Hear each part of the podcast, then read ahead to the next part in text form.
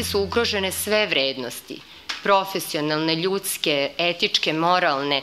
Zaposleni su na dnevnom nivou vređani, omalovažavani, kažnjavani, obezvređuje se njihov rad i onemogućava samostalno odlučivanje o prijemu i lečenju pacijenata.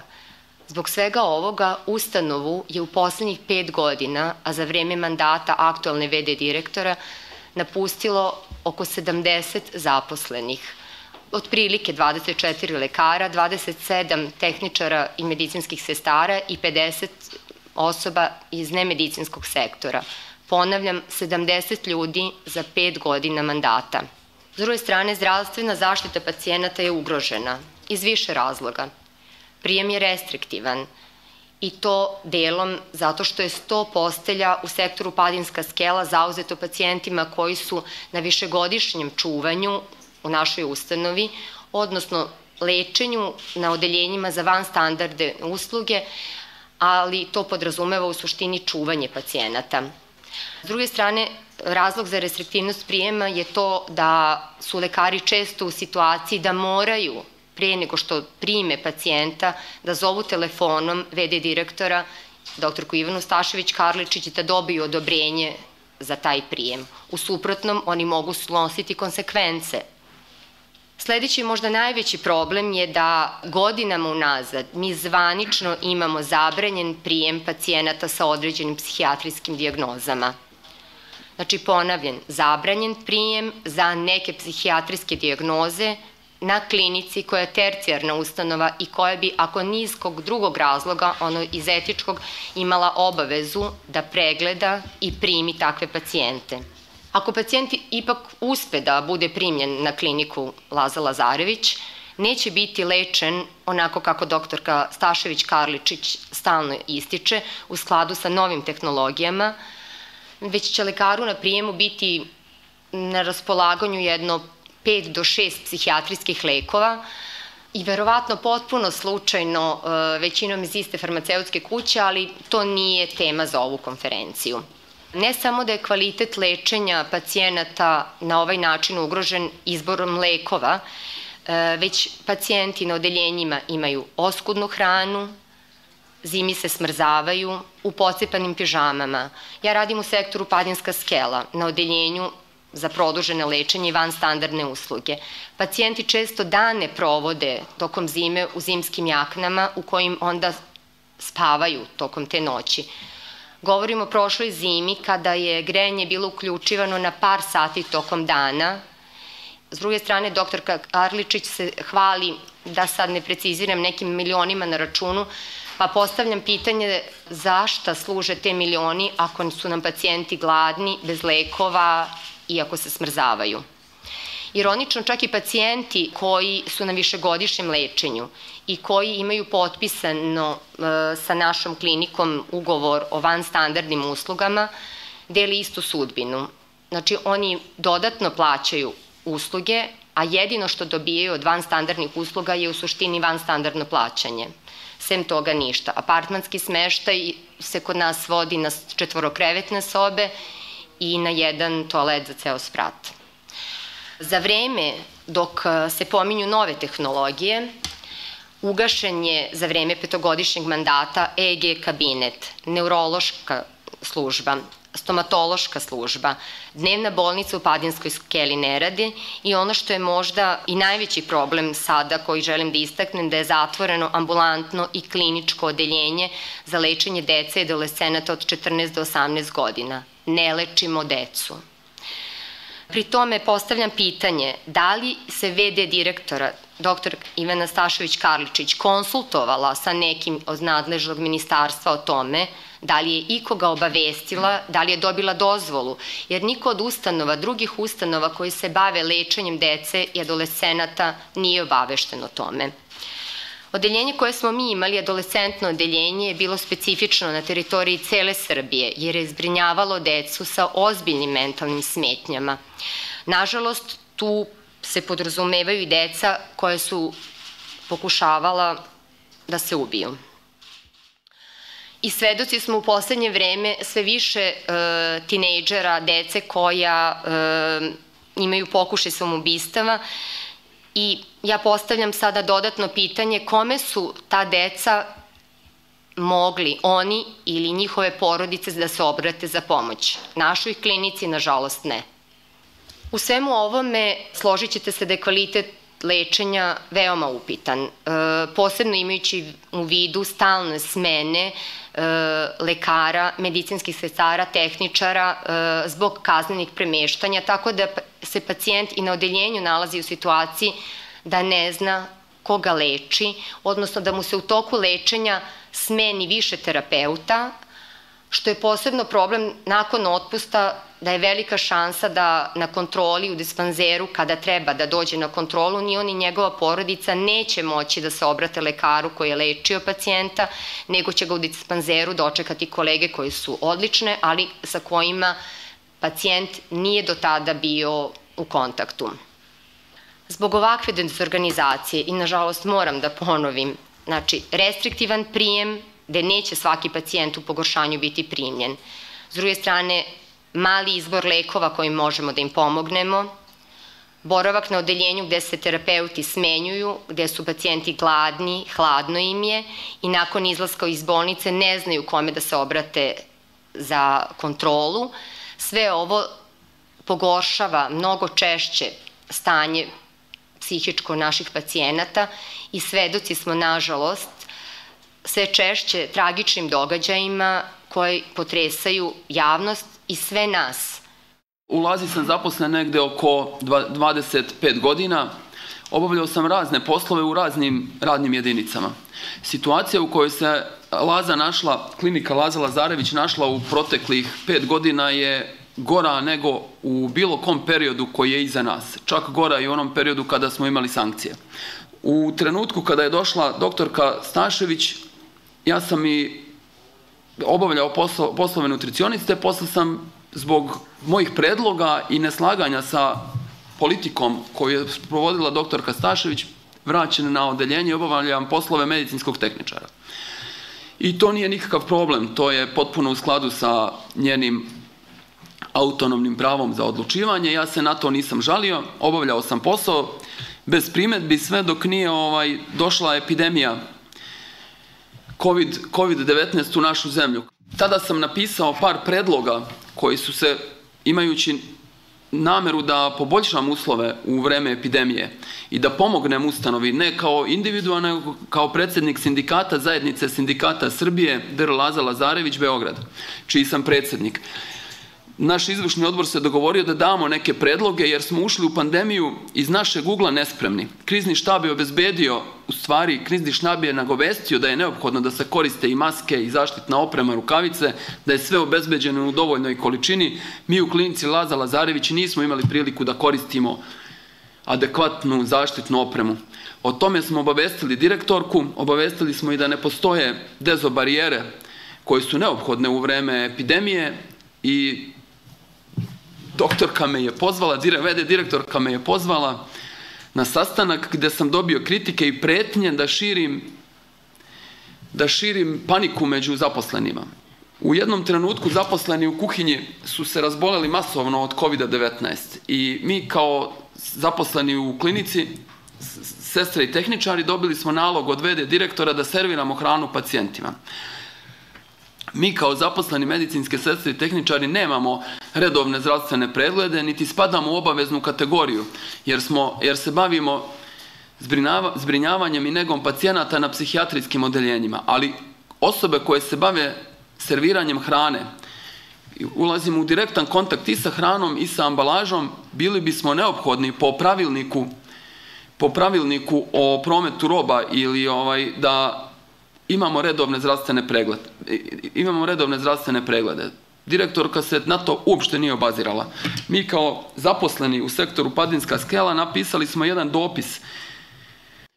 Ovaj dopis uz pa da li predlog ili peticiju, kako to da nazovemo, zaposlenih, poslali smo upravi klinike, Posle toga za par dana od nas 36 koji smo se potpisali, 15 je dobilo radne naloge i promenu radnih mesta. Neki od nas smo otišli u ispomoć bolnici Batajnica, COVID bolnici Batajnica. To nije problem otići u ispomoć COVID bolnici Batajnica, mi smo humani ljudi i uvek smo pomagali. Niko iz klinike Laza Lazarević nije pokušao da izbegne odlazak u bilo koju COVID instituciju. Posle ovaj, naših predloga da se nešto promeni i da svako obavlja svoj posao, ukratko smo dobili odgovor glavne sestre sektora Padinska skela Nataše Maroš, da je napisala poštovani rad u vanrednim okolnostima koju je uslovila pandemija COVID-19 u skladu sa dopisima takva mera je uvedena zbog sprečavanja širenja infekcije, a sve u cilju očuvanja zdravlja pacijenta.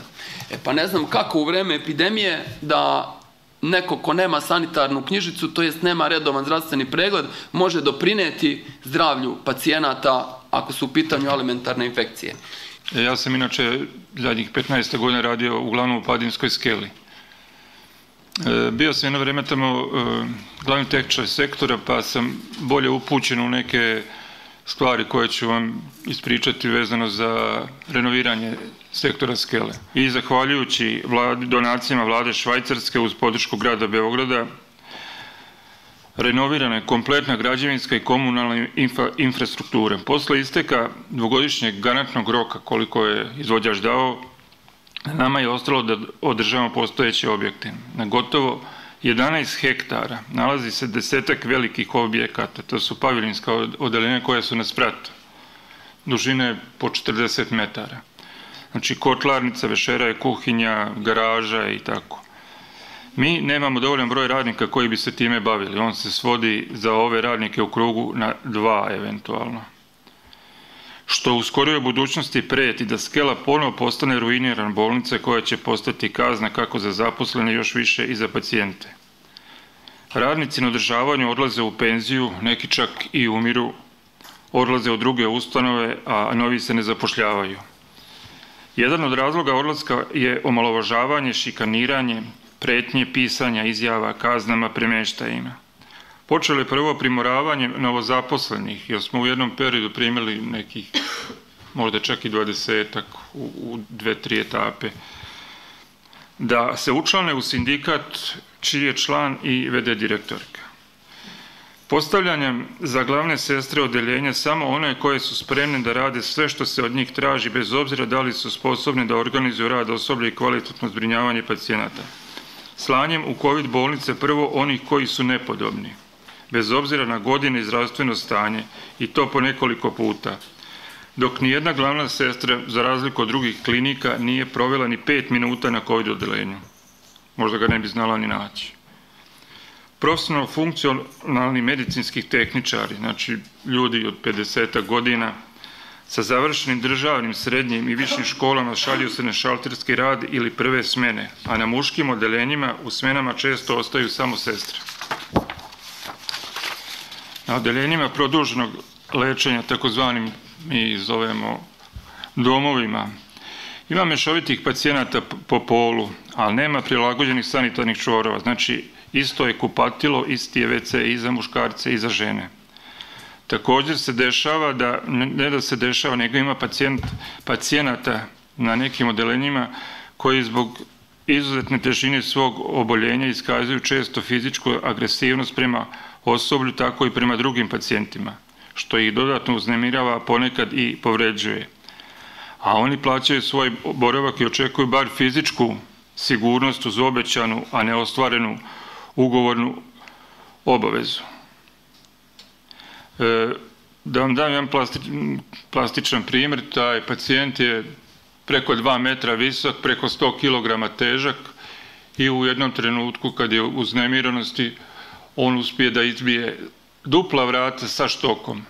To nije zato što je on kriminalac i opasan, zato što je to priroda njegove bolesti. Znači on u svakom slučaju zaslužuje lečenje, ali ne da bude zajedno sa ovakvim pacijentima koji ipak tu funkcionišu po nekoliko godina, bar. Također podsjećam javnost da su pacijenti veći deo prethodne zime bili bez grejanja. To znači decembar i januar. Ne potpuno, ali delimično. Znači, grejanje bi se uključilo negde u 5 ujutro, pošto nam je to bitno i zbog kuvanja hrane, pripreme hrane, i trajalo bi do 10 i do 17 ili 18 sati najveće više nije bilo grejanja. Pored toga što nas VD naziva teletabisima i nulama, to je izgovorila pred zaposlenima. Svakako da je najveća uvreda zaposlenima njeno javno obraćanje na RTS portalu i TV K1 gde je sestre i tehničare nazvala kriminalcima, sinovima kriminalaca, da su sestri tehničari postali od vozača, trgovaca, mesara i slično. Da tehničari hoće da budu doktori, da smo instruisani iz polja. A činjenicu sledeće. Na javnim medijskim nastupima, kod otvaranja telefonskih linija podrške, rekla je da će na njima raditi posebno edukovani psihijatri, psiholozi, socijalni radnici, a ne sestre i tehničari koji i dan danas to rade. Znači da nije govorila istinu i obmanula je javnost. Te takozvane kriminalce i njihove sinove, vozače, mesare i ostalu bratiju po njoj, na konkursu koji je javno bio objavljen, pored sto drugih kandidata, je odabrao glavni tehničar klinike Birovica Milorad, a ugovore o radu sa njima potpisala je VD direktorka Stašević. Čak je neke nagovarala da završe tu školu, a neke postavila i za glavne tehničare. Za instrukcije s polja, stvarno ne znam šta je i teško je pogoditi na što je mislila. Posle početka štrajka na COVID odelenja idu isključivo, znači ponavljam, isključivo samo učesnici štrajka, od lekara do sestara i tehničara. A jedan ovako malo bizaran prikaz kako naša VD direktorka razgovara telefonom sa svojim kolegama iz našeg covid -a. to su znači lekari koji rade u lazi, prema mojim saznanjima izgleda ovako. Primer jedan, pa citiram. Sada pozovite kretene, vraćamo gospođu. Primer dva, vrati je, napiši status, nekomunikativna, nemoguć psihijatrijski pregled, gospode Bože stoka. Nama nije namera da niti smo dovoljno kompetenti da procenjujemo stručnost i sposobnost VD direktorke, ali kao zaposleni imamo prava na kritički odnos prema upravljačkim aktivnostima VD direktore. Želim da iskoristim ovu priliku i ime svih prozvanih, odgovorim na optužbe VD direktorke Ivane Stašević-Karličić koje su apsolutno neistinite. Naime, VD direktorka Ivana Stašević-Karličić je pre nekoliko dana u medijima govorila o jednom tragičnom događaju koji se desio pre 15. godina. Tom prilikom, jedan naš pacijent je u sektoru Padinska skela jedne noći udavio tri pacijenta, o čemu je odmah obaveštena policija i nadležne institucije koje su dalje slučaj procesuirale. Doktor Ivana Stašević-Karličić navodi da su pacijenti davljeni tokom tri dana i da su bili sakrivani, kao i da su potom tragovi zločina čišćeni od strane zaposlenih koji sada štrajkuju te da su isti ti kasnije smenili tadašnjeg direktora.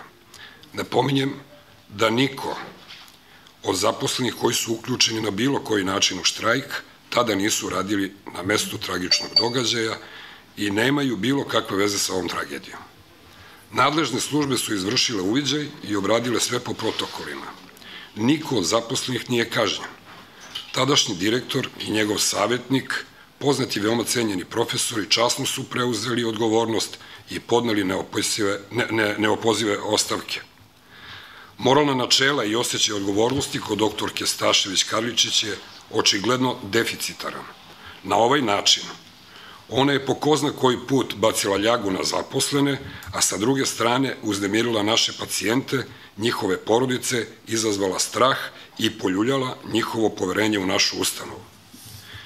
Hteo bih da ukažem i na problem službe obezbeđenja, koja je potrebna kako zaposlenima, tako i našim pacijentima, budući da smo prepoznati kao ustanova sa posebnim rizikom po zdravlje i bezbednost na radu. Godinama se ta služba marginalizuje, a zaposleno često menja ingerencija i opis radnog mesta. Neki su polagali vatrogasni ispit i kurs i ispit o nošenju oružja, što je neprimereno.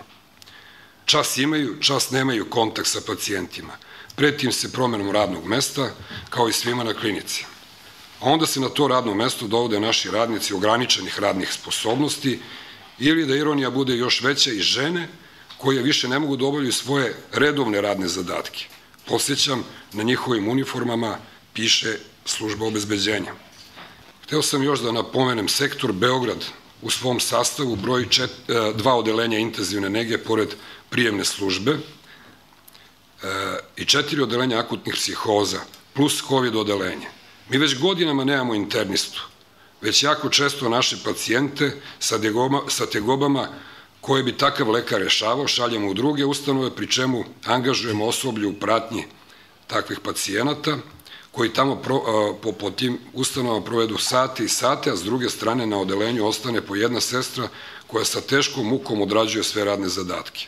Sem troška kome se dodatno izlažemo, bez lekara te struke i kvalitet lečenja je upitan, pogotovo na intenzivnim negama. I da ne ispustim kabinet za neurofiziologiju ili popularni EEG kabinet zatvoren je, ne radi. Tolikim pacijentima je bio dostupan i koristan, I ne samo našim pacijentima, već pacijentima sa strane. Šta je sledeće? Šta ćemo zatvoriti, a šta otvoriti? Naš stav je da se smenom profesorke, doktorke Ivane Stašević-Karličić može značajno relaksirati situacija u bolnici i popraviti nivo lečenja i očuvanje mentalnog zdravlja. Otišlo je dosta zaposlenih raznih profila. Ovi koji su otišli konkretno o lekarima pričamo, svi su bili specijalisti u koje je društvo mnogo uložilo. Jer to kad ode specijalista iz jedne ustanove, to nije gubitak jednog čoveka, to je gubitak za celo društvo. Pogotovo ako ode u neku drugu zemlju ili ako oda većina nije otišla u drugu zemlju, otišli su u privatni sektor. Jer nisu hteli da rade pod okolnostima kojima je, koje su im naložene od strane VD direktorke.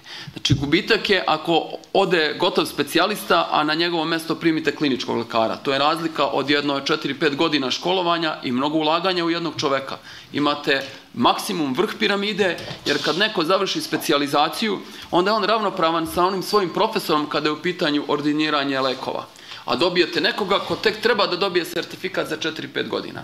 Pri tome mi nemamo potpuni uvid koliko mladih lekara je primljeno, ali oni su primljeni kao klinički lekari, tek započinju, kako je kolega rekao, specializacije i da bi bili gotovi specijalisti treba da prođe dosta vremena. Lekari koji su otišli, kao i medicinske sestre i tehničari koji su otišli su oni sa višegodišnjim iskustvom. To je neuporedivo.